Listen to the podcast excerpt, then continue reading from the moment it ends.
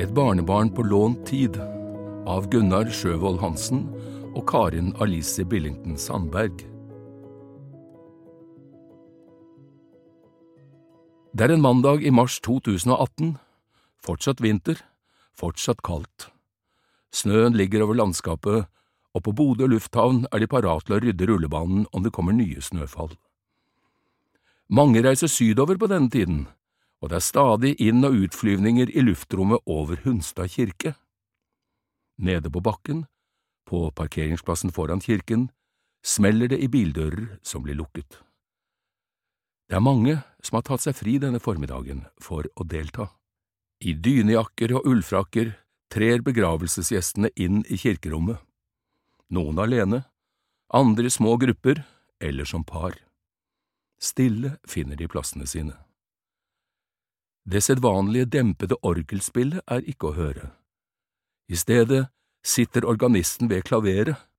Han spiller barnesanger, søndagsskolesanger. Den lille kisten har en bårebukett av perleblomster, hvite peoner og gerbera i lillatoner på et dekke av mose. Ved siden av står en gul lekebil i plast. Kistelokket er nylig lagt på. Familien har hatt sin egen avskjedsstund med Kristoffer før de andre gjestene kom. De har bøyd seg over kistekanten. Noen har sagt farvel inni seg, andre har sagt det høyt. En mor har bøyd seg over minstegutten sin for siste gang og kysset ham. Nå sitter familien på første benk. Den kvinnelige presten tar hver og en av de pårørende i hånden. Det er en mor, det er en far, det er to brødre og to sett besteforeldre. Dette er historien til Kristoffers mormor og morfar. Det er en stille ettermiddag i februar. Vi sitter og koser oss med ettermiddagskaffen og ser utover Saltstraumen da telefonen ringer. Vi er jeg, Gunnar, og kona Karin Alice. Begge er vi pensjonister og rundt 70 år. Vi bor landlig til i et gammelt nordlandshus med utsikt over Saltstraumen og Børvasstindene. Den som ringer, er vår datter Maria, som bor ca tre mil unna oss i Bodø. Det er en gledelig nyhet som blir overbrakt. Maria kan fortelle at hun er gravid, og at vi skal bli besteforeldre for tredje gang i slutten av oktober. Fra før har hun og ektefellen Amund to gutter, en på syv år og en på fire.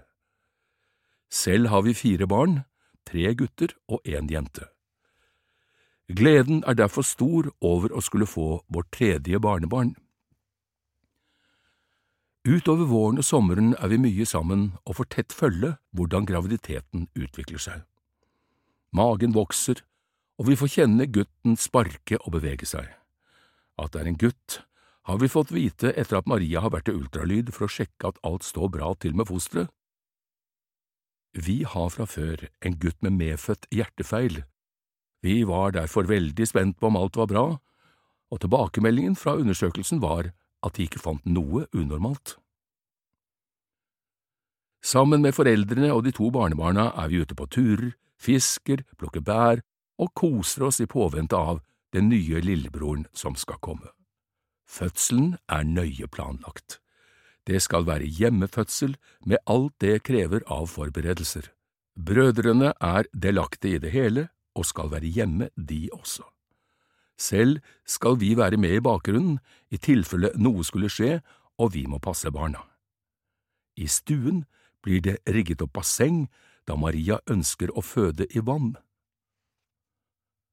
Dagen kommer, bassenget er fylt, stearinlys tent, det er fyr i peisen, og to jordmødre er klare til å ta imot den lille. Buggen står klar med tepper og skinnfell i bunnen, på badet står stellebordet.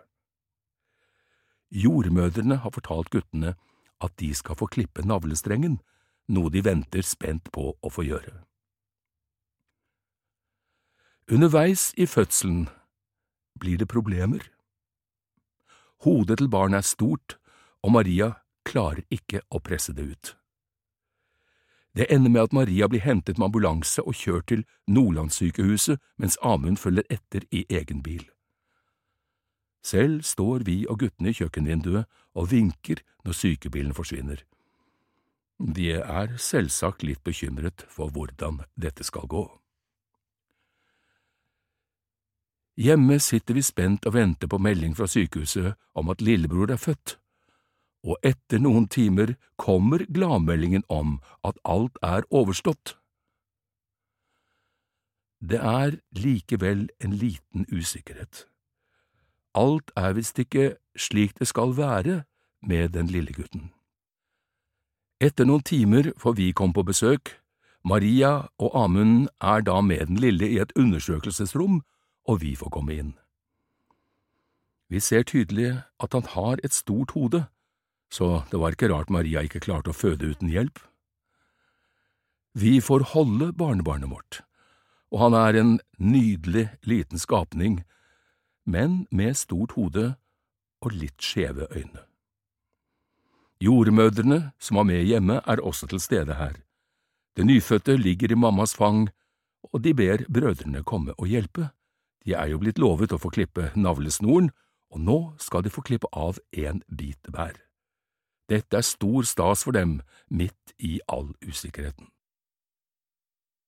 Legene er ikke sikre på diagnosen, og ønsker at det skal bli gjort videre undersøkelser ved Universitetssykehuset i Tromsø ganske umiddelbart. Ambulansefly blir rekvirert, og lillegutt sendes av gårde i kuvøse sammen med en sykepleier. Det er ikke plass til Maria og Amund, som å ta vanlig rutefly samme kveld. Selv reiser vi hjem med brødrene til tomt hus og fullt basseng. Det er en usikker kveld, med mange følelser. Hvordan går det med lille gutt? Hvordan går det med foreldrene? Hvordan skal vi forklare dette for brødrene?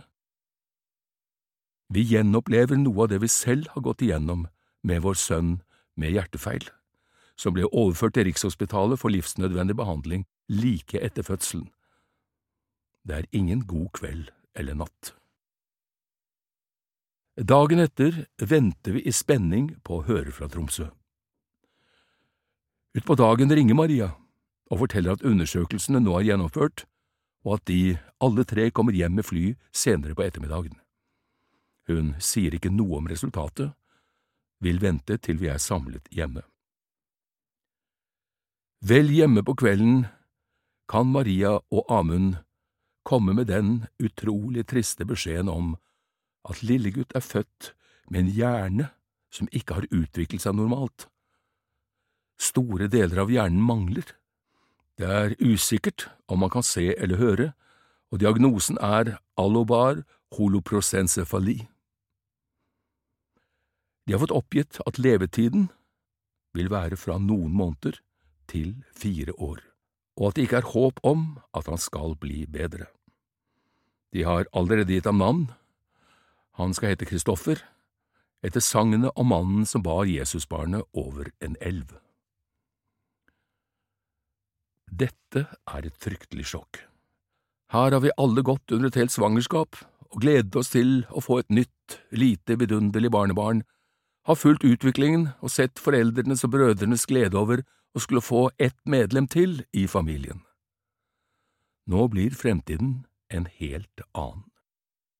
Jeg, Gunnar, husker at jeg får holde den lille og bære ham en runde i stuen. Det er en usigelig følelsesladd opplevelse for meg. Tenk å bære en nyfødt, nydelig gutt som ikke skal få lov til å vokse opp. Det første som slår oss nå, er hvordan vi skal klare å hjelpe familien i tiden som kommer. Vi har som tidligere nevnt selv et barn med alvorlig sykdom. De første ni månedene før han ble operert, var vi hver morgen usikre på om vi hadde to eller tre barn. Etter operasjonen rettet alt seg heldigvis opp, men vi vet av smertelig egenerfaring hva familien nå skal igjennom. Vi får være med på barneavdelingen på sykehuset, på undersøkelser og informasjonsmøter. Vi må berømme barneavdelingen ved Nordlandssykehuset for den måten både vi besteforeldre og familien er blitt ivaretatt. Det er smil og alvor og et uttrykt ønske om å ville vårt beste. Hele veien har også brødrene fått være med på det som skjer. Vi er oss uendelig takknemlige for at Maria Amund lar oss få være med og delta i det som foregår. Kristoffer skal nå få bo hjemme med såkalt åpen retur. Det vil si at dørene på sykehuset er åpne for dem når som helst noe skulle oppstå. Personalet fra sykehuset skal komme og gi nødvendige medisiner. Maria er utdannet helsesykepleier, men skal få slippe å være sykepleier for eget barn.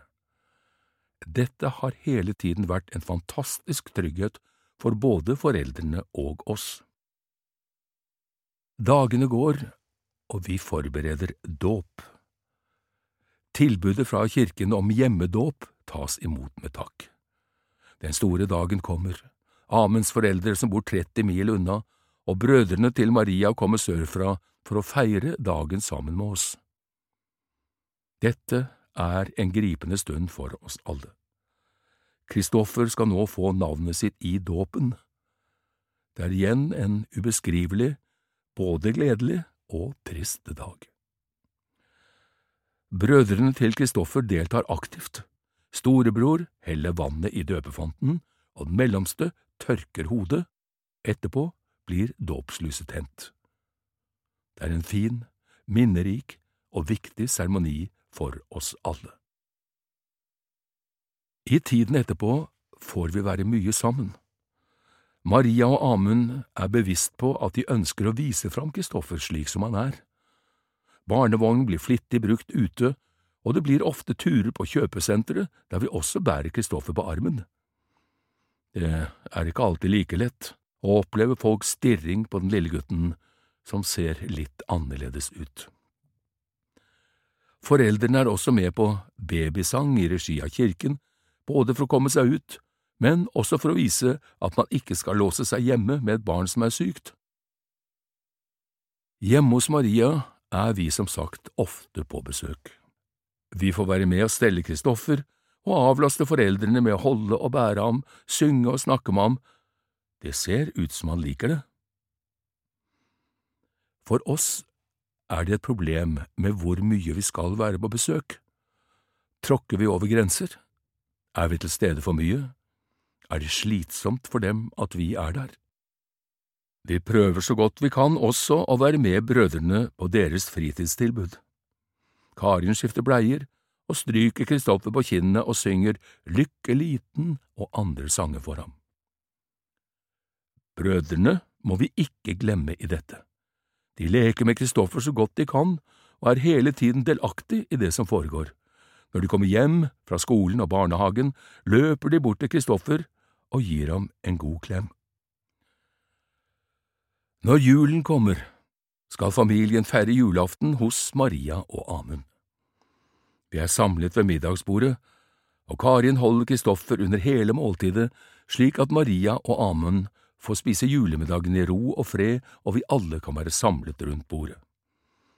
Det er en fin kveld. Vi er alle med og går rundt juletreet med Kristoffer på armen, og gaver åpnes og det er latter og glede. Det har heldigvis vært mange slike gode stunder gjennom denne tunge tiden.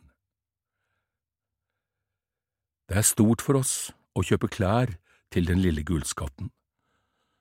Problemet er å finne luer. Det er leit å stå i barnebutikken og ikke finne stor nok størrelse. Karin sitter også hjemme i Saltstraumen og strikker babyklær, genser og bukse.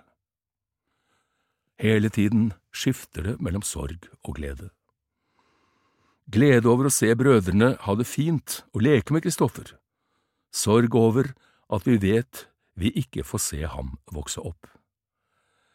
Glede over at vi merker at Kristoffer både hører og ser noe som ikke var en selvfølge. Mormor pleier å si her kommer mormor til gullskatten sin, og da hender det at han snur hodet mot henne og smiler. Det er noen store øyeblikk. Oppi det hele sørger vi også over at Maria og Amund og brødrene skal oppleve dette. Det skal ikke være slik at foreldre skal oppleve slike ting. Vi har en sorg over at vi ikke kan avhjelpe dem med dette. Det snakkes om den doble sorgen. Det har vi til gangs fått oppleve. Dette gjelder også for ventesorgen. Vi vet at tiden vi får være sammen, er begrenset. Vi sørger over Kristoffer, og vi ser den sorgen foreldrene og brødrene har, og som vi ikke kan skåne dem for. Det er også vanskelig når vi er ute blant folk og ser nye, friske babyer som trilles rundt.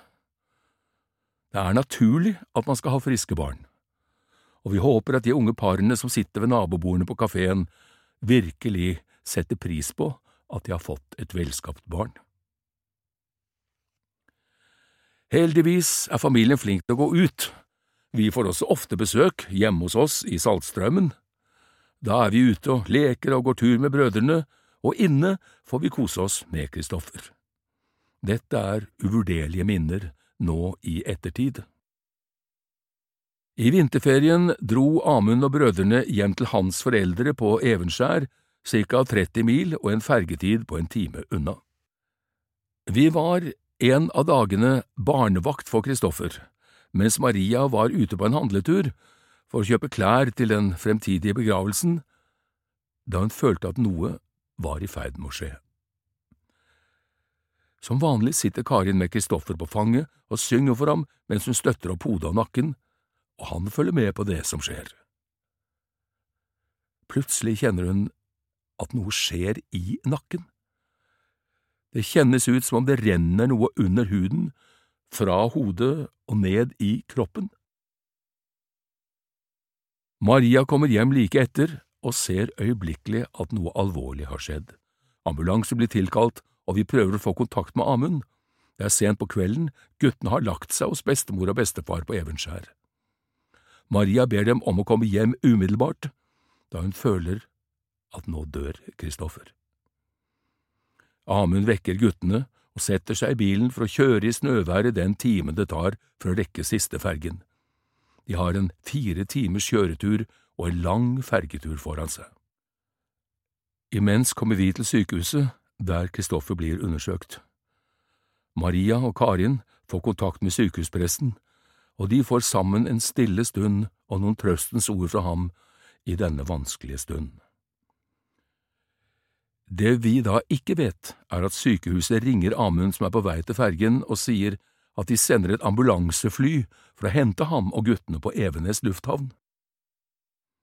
Litt senere får jeg hentet dem på flyplassen i Bodø, og hele familien samles på sykehuset.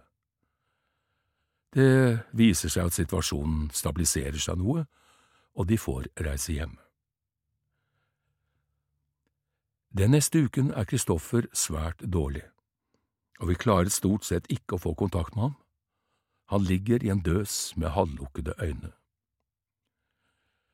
Det blir nå opprettet såkalt hjemmesykehus, det vil si at det er en sykepleier hjemme hos familien 24 timer i døgnet. Det er også ofte legebesøk.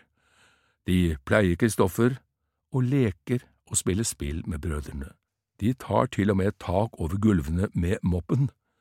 Igjen all ære til Nordlandssykehuset og personalet ved barneavdelingen. Kristoffer fortsetter stort sett å ligge i en døs, og han klarer ikke lenger å ta til seg mat. Så langt har Maria ammet ham, men nå er kreftene slutt hos Kristoffer. Maria sitter med ham på fanget og følger med på pust og hjerteslag Ofte stopper pusten, men kommer så i gang igjen. Hjertet slår kraftig og vil ikke gi opp. Det er ikke lett å være på besøk i denne siste perioden. Det går nok en uke. Så, søndag formiddag, får vi telefon om at Kristoffer er gått bort. Han er sovnet stille inn i sengen til foreldrene med mamma, pappa og brødrene rundt seg. Maria åpnet vinduet. Solen sendte en lysstråle inn over Kristoffer, og utenfor var det en fugl som kvitret. Det er et sterkt øyeblikk for dem, og for oss når vi senere får høre historien og se bildet av gutten i solskinnet med brødrene rundt seg. Maria tar med seg Kristoffer på badet, fyller badekaret, setter seg i badet sammen med ham og vasker ham for siste gang. Da vi ankommer noen timer senere, ligger han nystelt og vakker i vognen. Familien står rundt ham, og et stearinlys er tent. Det blir en stemningsfull ettermiddag. Nå har altså vår lille skatt dratt hjem til Gud. Maria og Amund har bestemt at Kristoffer skal være hjemme hele tiden. Her var han laget, her skulle han få sovne inn, og her skulle han få være til begravelsen. De har et kjølerom i kjelleren, der han de første dagene ligger i vognen, etter hvert får de hjem en kiste, hvor han ligger pyntet og fin sammen med koseklutten sin. Alle er nede hos ham minst hver morgen og kveld å hilse på, brødrene lager tegninger som de legger i kisten, og ved kinnet har Kristoffer kosebamsen. Nordlandsgenser og bukse, som mormor har strikket og som han aldri ble stor nok til, får han også med seg i kisten, vår lille nordlandsgutt. Den dagen han skal begraves, er vi tidlig i kirken. Den er nydelig pyntet med blomster og kranser fra familie, venner og bekjente. Maria og Amund har vært tidlig ute med kisten, som er åpen. Det er sterkt å få knele ved kisten og gi Kristoffer den siste klemmen og stryke ham over kinnet, og ikke minst å se brødrene gi avskjedsklem til lillebror. Under seremonien sitter Amund og Maria på første benk med den eldste broren mellom seg. Han holder dem i hendene og trøster dem. Det er rart å se den omtanken sjuåringen hadde for mamma og pappa. Mamma Maria er sterk og klarer å holde en fin minnetale ved den lille kisten. Minstebror går fram og tilbake rundt kisten og gir den en klem, og når jeg skal holde minnetale, kommer han bort til meg og vil opp på armen min. Han vil trøste morfar som er så lei seg. Det er godt å ha ham på armen når jeg avslutter minneordene med diktet Ikke en spurv til jorden uten at Gud det vet. Kirken er fullsatt av familie, venner og bekjente, og det er ikke et tørt øye når pappa Amund bærer den lille kisten ut. Etter en kort kjøretur til gravlunden senkes kisten i jorden, og vi må ta et endelig farvel med vår lille skatt. Dette er ikke slutten for vårt forhold til Kristoffer, men begynnelsen på en ny form for sorg. Denne sorgen viser seg å bli langvarig. Når man mister foreldre eller voksne venner, kan sorgprosessen være relativt kort, fordi det er naturens gang. Med Kristoffer er det helt annerledes. Det føles ikke riktig at små barn dør før foreldre og besteforeldre. Vi har opplevd gleden og forventningen gjennom et svangerskap.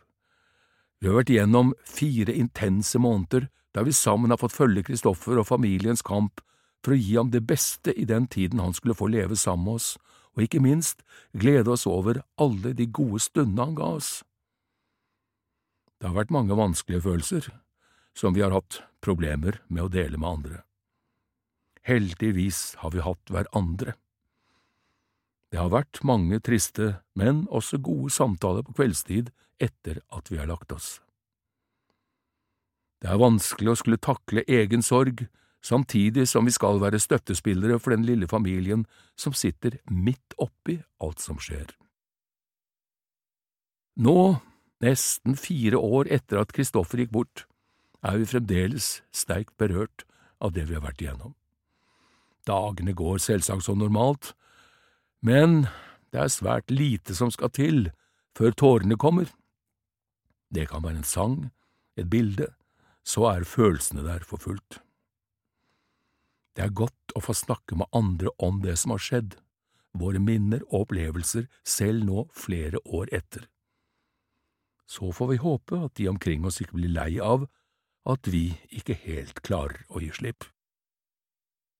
Noe vi kanskje har savnet i denne perioden, både mens Kristoffer levde og nå etterpå, er et forum der vi som besteforeldre kan snakke sammen med andre som har opplevd å miste et barnebarn, der vi kan snakke med noen som forstår hva vi går igjennom, både med tanke på vår egen sorg og våre opplevelser ved å måtte se sorgen til eget barn, svigersønn og barnebarn, der vi kan støtte hverandre og lytte til hverandre. Det gjelder ikke minst å få råd om hvordan vi kan være til støtte for den familien som har mistet det mest dyrebare de hadde. Hvordan snakker vi med barnebarna? Hvordan takler vi best de reaksjonene, ofte uventede, vi ser de har? Hvordan takler vi best våre egne uventede reaksjoner? Vi håper derfor LUB på sikt kan få til lokalt tilbud for besteforeldre. Det har vært både trist og godt å få skrive ned disse minnene om tiden med Kristoffer. Heldigvis har vi en grav å gå til, for å minnes alle de gode stundene vi hadde med ham, både alene og sammen med familien. Vår kjære Kristoffer fikk sin tilmålte tid på jorden. Den var på fire måneder, og har lært oss mye om hva livet betyr, hvor skjørt livet er, og hvor takknemlige vi skal være for hver dag vi får være sammen med våre kjære. En dag vi var ute på kirkegården, sa minstebroren, Kristoffer er heldig, nå kan han jo ligge her og se på alle flyene som lander. På en gravstein av larvikitt er Kristoffer avbildet. De blå øynene har et skråblikk som kan gi assosiasjoner til både humor og dyp visdom. Små barn fremtrer ofte som små engler som kommer til jorden for å gi og motta kjærlighet. Noen blir lenge og blir til hverdagsnære krabater, småbarn, skolebarn, ungdom, voksne, mens andre blir kun en kort stund for å berøre og berike sine nærmeste før de flyr bort og etterlater seg et etterskjelv av sorg, men også en lysstrime av takknemlighet. Perleblomster og peoner visner. Liv er forgjengelig, og spor tråkket i norsk vintersnø smelter og forsvinner. Men på Gravlund, rett under innflyvningen til Bodø lufthavn, i all slags vær, helt uavhengig av årstider, fortelles det om et liv som ble levd fullt og helt den tiden det varte. Kristoffer Sandberg Johnsen, 30. oktober 2017 til 4. mars 2018.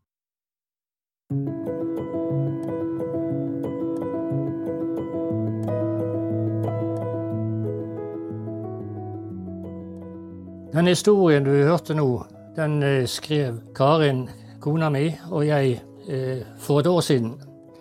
Da var det gått eh, fire år siden Kristoffer, barnebarnet vårt, gikk bort. Vi følte tidlig behov for å kunne snakke med noen andre besteforeldre, og kontaktet LUB for å høre om det var noe tilbud på det. Og det hadde de for så vidt, men det var lite vi kunne hente her oppe i, i Bodø. Så uh, tiden gikk nå. Og uh, så kom det da dette tilbudet om å skrive historien vår. Og det var jo uh, litt av en prosess, for den gikk ganske hardt inn på oss. Og det gjør det for så vidt fortsatt. Eh, det er fem år siden Kristoffer ble født. Fire og et halvt år siden han gikk bort. Og det sitter faktisk eh, ganske hardt i oss.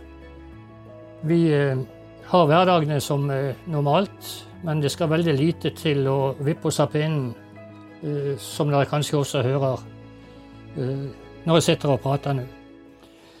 Eh, men tilbake igjen til dette med LUB og besteforeldreforening. Som sagt så tok vi tidlig kontakt og hørte at det var et opplegg, og vi fikk tilsendt brosjyrer. Men eh, lokale samlinger det hadde vi ikke. Så fikk vi vår tilbud om å være med på Soria Moria i Oslo. Og det var en kjempefin samling over en helg. Vi var jo ganske overrasket over at vi var mange som så lenge etter eh, barnebarnet var gått bort, fremdeles var berørt så sterkt som vi var.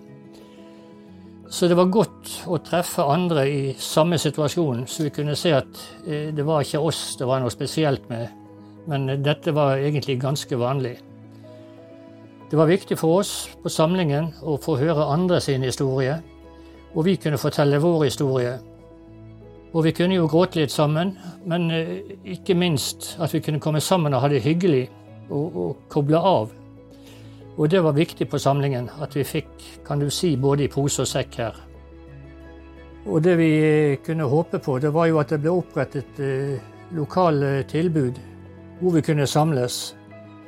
Og det som er viktig for oss i en sånn klubb, er at det ikke er en gråteklubb, men et forum der vi kan utveksle erfaringer og ikke minst ha et sosialt godt samvær. Det ville være viktig for oss. Nå er det gått fem år siden Kristoffer ble født, og det føles av og til uh, som i går. Det å skrive historien har vært viktig i sorgprosessen. Som sagt, mange tårer felt underveis, men jeg tror det har gjort oss godt. Og egentlig så kan vi vel anbefale andre å sette seg ned og forsøke å sette ord på det man har vært igjennom. Men livet går jo videre, og eh, vi tar med oss alle gleder som vi har hatt i samværet med Kristoffer. Og vi håper jo også at kanskje historien vår kan være til trøst for noen i samme situasjon, og som ser at de følelsene man har, ikke er feil, men ganske alminnelige. Så vi ønsker egentlig alle sammen uh, alt godt fremover.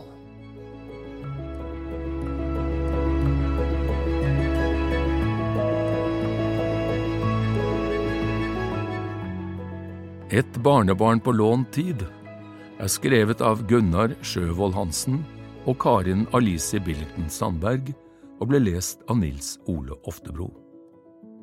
Podkasten er utgitt av Landsforeningen uventet barnedød med støtte fra stiftelsen DAM, produsert av Nitro.